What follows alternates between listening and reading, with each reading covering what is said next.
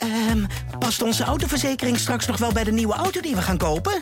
Of kunnen we met overstappen flink besparen? Genoeg van het stemmetje in je hoofd? Even Independeren. Daar word je altijd wijzer van. Vergelijk nu en bespaar. Welkom bij Independer. Dit is een podcast van De Ondernemer. En ineens was daar de prijzenwet, een wet uit 1961. Kort gezegd kan het kabinet hem invoeren als er sprake is van versnelde inflatie, als een soort van noodgreep.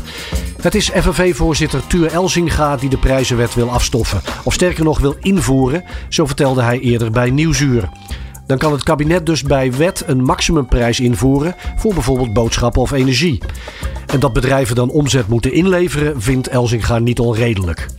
Wat we nu zien is dat door de inflatie de burgers verarmen, terwijl bedrijven recordwinsten maken. Er is geld zat, maar dat zit allemaal bij bedrijven, hoorden we de FNV-voorzitter zeggen. Dit is een podcast van De Ondernemer met Robert van den Ham. Tuur Elzinga, voorzitter van de FNV. Kunt u ons eens meenemen in hoe dat advies voor de prijzenwet vanuit de FNV tot stand is gekomen? Ja, uh, met veel plezier. Uh, kijk, het begon er natuurlijk mee dat we in het voorjaar zagen dat de inflatie enorm hard begon op te lopen. Toen hebben we onderzoek gedaan onder onze leden. En toen bleek op dat moment al, en dan praat ik over maart, april, uh, dat drie op de tien van onze leden eigenlijk tekort kwam aan het eind van elke maand. Uh, en dat nog eens ruim drie op de tien, een derde van de leden, uh, niks overhield om nog iets op, opzij te zetten. Nou, sindsdien is de inflatie alleen maar verder opgelopen. En we willen natuurlijk in eerste instantie inflatie ook, ook bestrijden met een fatsoenlijke loonsverhoging. De lonen moeten omhoog. Uh, met name ook natuurlijk het minimumloon aan, aan, de onderkant. Maar we zien dat ook steeds meer middeninkomens, gezinnen met een, ja, die hun geld verdienen in de zorg of als politieagent of in het onderwijs of in de metaal. Um, of in de bouw, uh, dat die ook steeds vaker moeite hebben om de eindjes in elkaar te knopen. Uh, ja, en dat moet je met een loonsverhoging proberen uh, op te vangen. maar je moet, je moet ook reëel zijn en dan zie je dat heel veel van, de, van de zorgen en van de enorme klap op de koopkracht komt van de ontwikkeling van de energieprijzen. En dat heeft natuurlijk te maken met de oorlog in Oekraïne, maar niet alleen. Er zijn natuurlijk ook andere effecten spelen ermee. Maar die energieprijzen die nemen zo'n hap uh, uit de portemonnee van de mensen. Uh, dat je daar nog gewoon apart naar moet kijken.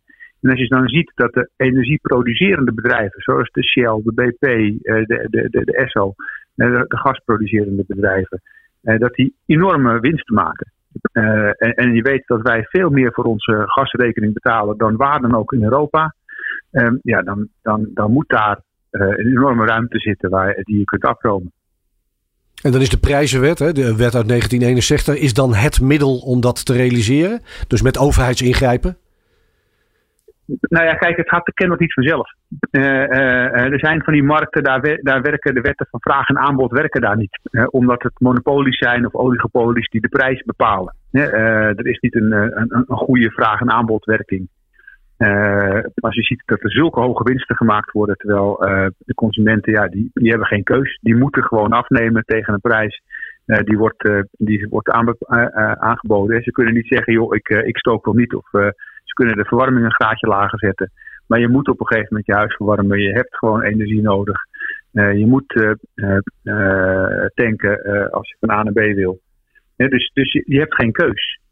Dus de gewone wetten van, van vraag en aanbod werken daar niet. Uh, en we hebben juist voor dit soort noodsituaties hebben we die prijzenwet. Vroeger was er natuurlijk veel meer geleide loon- en prijzenpolitiek. Dat, dat, dat, vonden we normaal na de oorlog. Nou, dat is allemaal geliberaliseerd en uh, een beetje in de vergetelheid geraakt. Maar die prijzenwet die is bijna helemaal afgeschaft.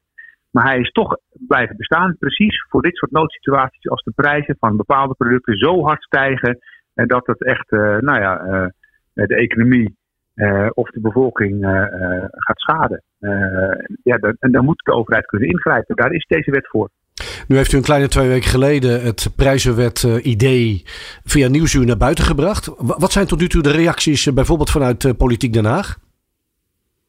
Ja, vanuit Politiek Den Haag is het ontzettend stil. ik denk dat, we lezen in de krant dat de coalitiepartijen allemaal wel weer terug zijn van reces.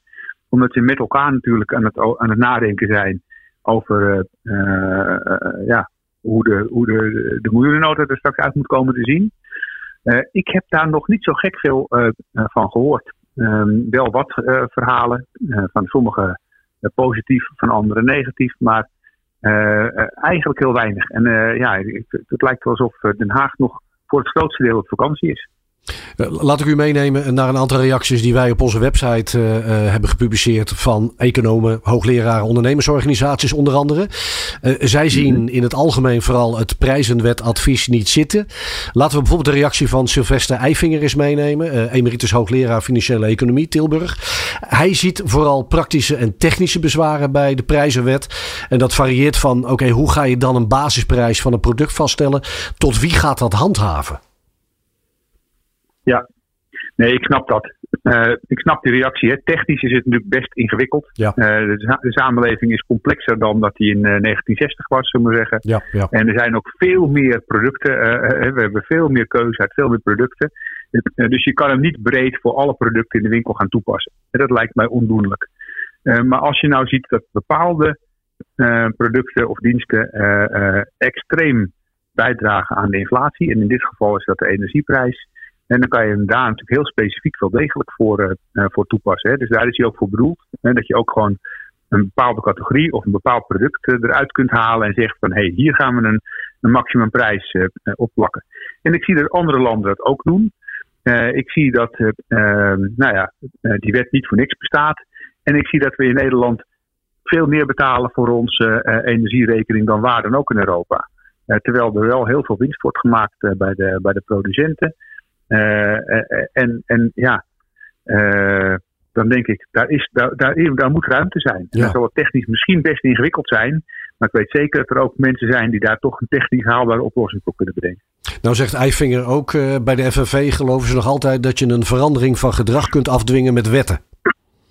Nee hoor, helemaal niet over in alle gevallen. we zijn er, zoals ik al zei, niet voor dat we alle prijzen in de supermarkt per wet gaan bepalen.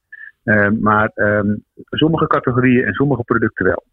Dus eigenlijk met de kennis van u, uh, u zegt het is nog stil vanuit Den Haag, maar wij houden nog wel vast aan dat prijzenwetadvies. Wij willen daar wel over in, uh, in gesprek. Nou ja, kijk, ik, ik, ik denk, kijk, de, het, het, zijn vooral de ondernemers uh, en met name de bedrijven die de afgelopen, ook we hebben het gisteren weer, weer mogen vernemen, ook in het tweede kwartaal, ten opzichte van het tweede kwartaal vorig jaar, is de economie ruim 5% gegroeid. Uh, vorig jaar zijn er door het bedrijfsleven over de bank genomen. En natuurlijk zijn er verschillen tussen grote en kleine ondernemers en tussen de ene en de andere sector. Maar door de bank genomen zijn de, uh, zijn de winsten uh, uitermate hoog geweest. er zijn een record aantal cadeautjes uitgedeeld aan aandeelhouders. En aan bonussen en aan weet ik veel wat allemaal. maar de gewone mensen, de mensen die het allemaal bij elkaar hebben gewerkt, die uh, moeten op een houtje bijten. die, die zien hun koopkracht alleen maar dalen door die hoge inflatie. die, blijven, die blijven daar ver bij achter bij hun uh, loonontwikkeling. en die betalen de pijn. onevenredig. dus dat, ja, daar moet iets gebeuren.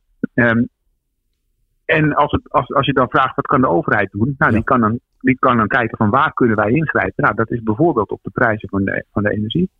Ja, want om die actuele percentage inderdaad erbij te halen. Vanuit het kabinet kwamen ook zo'n beetje op dat moment geluiden richting het bedrijfsleven. om juist tegen de inflatie, tegen de, de hoge energieprijzen, de lonen te verhogen. Zo'n beetje op hetzelfde moment kwam ook uh, het onderzoek uh, naar buiten. waarin uw FNV-collega Petra Bolster onder meer stelt dat de winstbelasting voor alle bedrijven naar 35% moet. En dan quote ik even Hans Biesheuvel. Waarom zou het bedrijfsleven voor de koopkrachtproblemen op deze manier als pinautomaat moeten fungeren? Ja, dat is een populaire quote van, uh, van, van werkgevers. dat heb ik voor Hans Biesheuvel uh, ook uh, Ingrid Thijssen van VNO-NCW natuurlijk al regelmatig horen roepen. maar het is natuurlijk niet waar. Hè, wat we eigenlijk zien is dat de koek over de afgelopen decennia steeds groter is geworden. Hè. We, we, zijn, onze economie groeit en groeit en groeit. maar het deel van die koek dat naar de werkende mensen gaat, is in verhouding steeds kleiner geworden.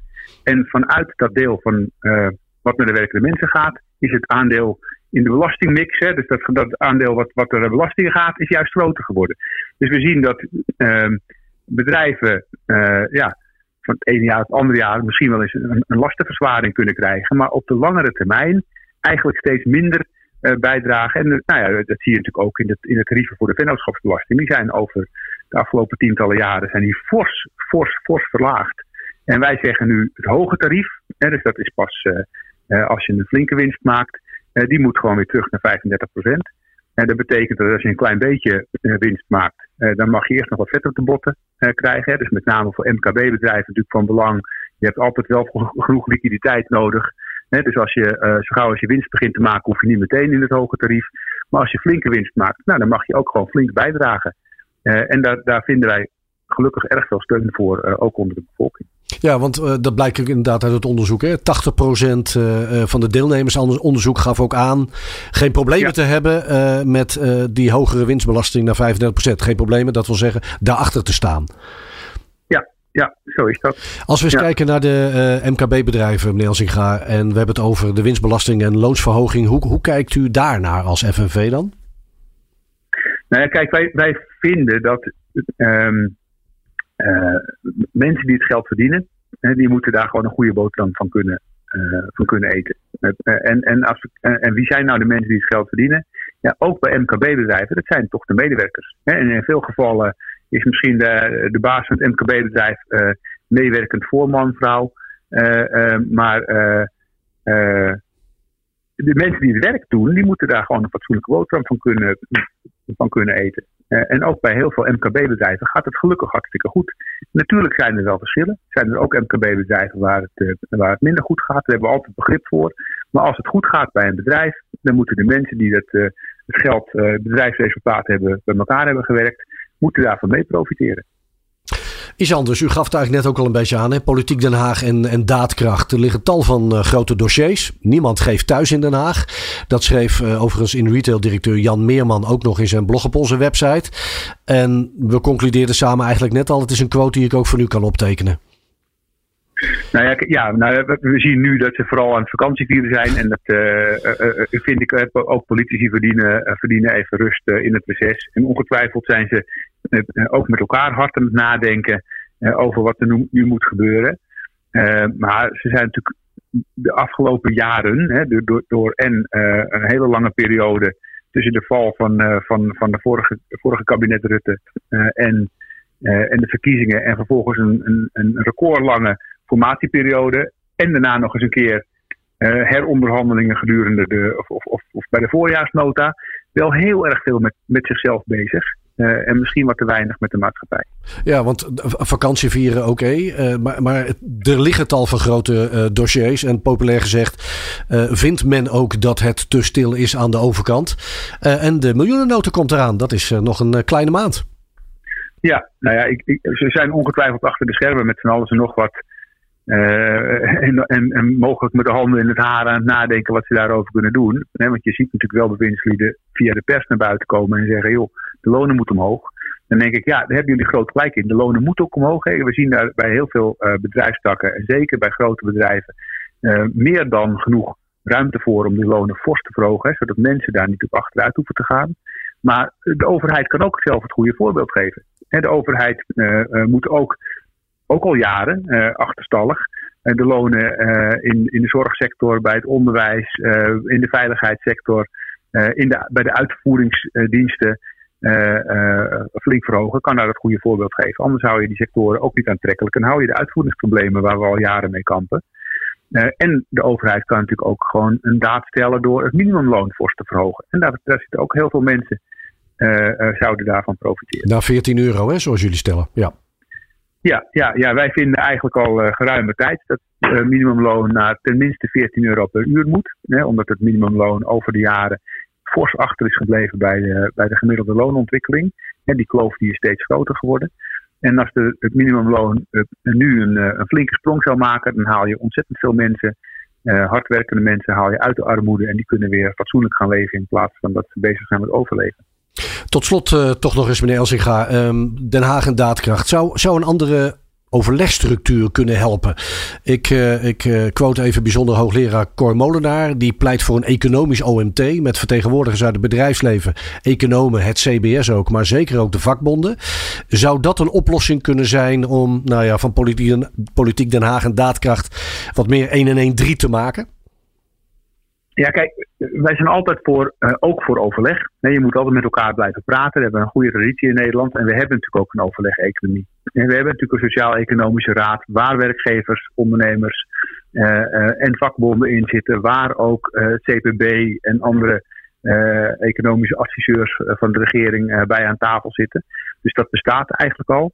Ehm, alleen op een gegeven moment is de tijd van praten ook wel voorbij. Dus wij wij zeggen ook van, uh, nou ja, het wordt voor ons uh, tijd uh, om als het nodig is ook nu echt nou, actie te gaan voeren voor die hogere lonen en voor de koopkracht van de mensen.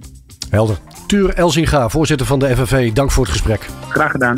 Tot zover deze podcast van De Ondernemer. Ga voor meer podcasts naar deondernemer.nl. Dit college geeft je echt handvaten om je eigen toekomst in te gaan richten. De wereld verandert snel en veranderingen bieden kansen. Krijg grip op de toekomst van je bedrijf met het Groeicollege. In de inspirerende colleges door hoogleraren en brainstorms met mede-ondernemers leer je in vier maanden gefundeerd groeien en reële kansen inschatten. Ik ga jou helpen collectieve groeiambitie te creëren. Investeer in jezelf. Werk niet alleen in je bedrijf, maar ook aan je bedrijf. Doe je mee? Start meteen na de zomer. Ga voor meer informatie naar www.hetgroeicollege.nl. Um, past onze autoverzekering straks nog wel bij de nieuwe auto die we gaan kopen? Of kunnen we met overstappen flink besparen? Genoeg van het stemmetje in je hoofd? Even Independeren. Daar word je altijd wijzer van. Vergelijk nu en bespaar. Welkom bij Independer.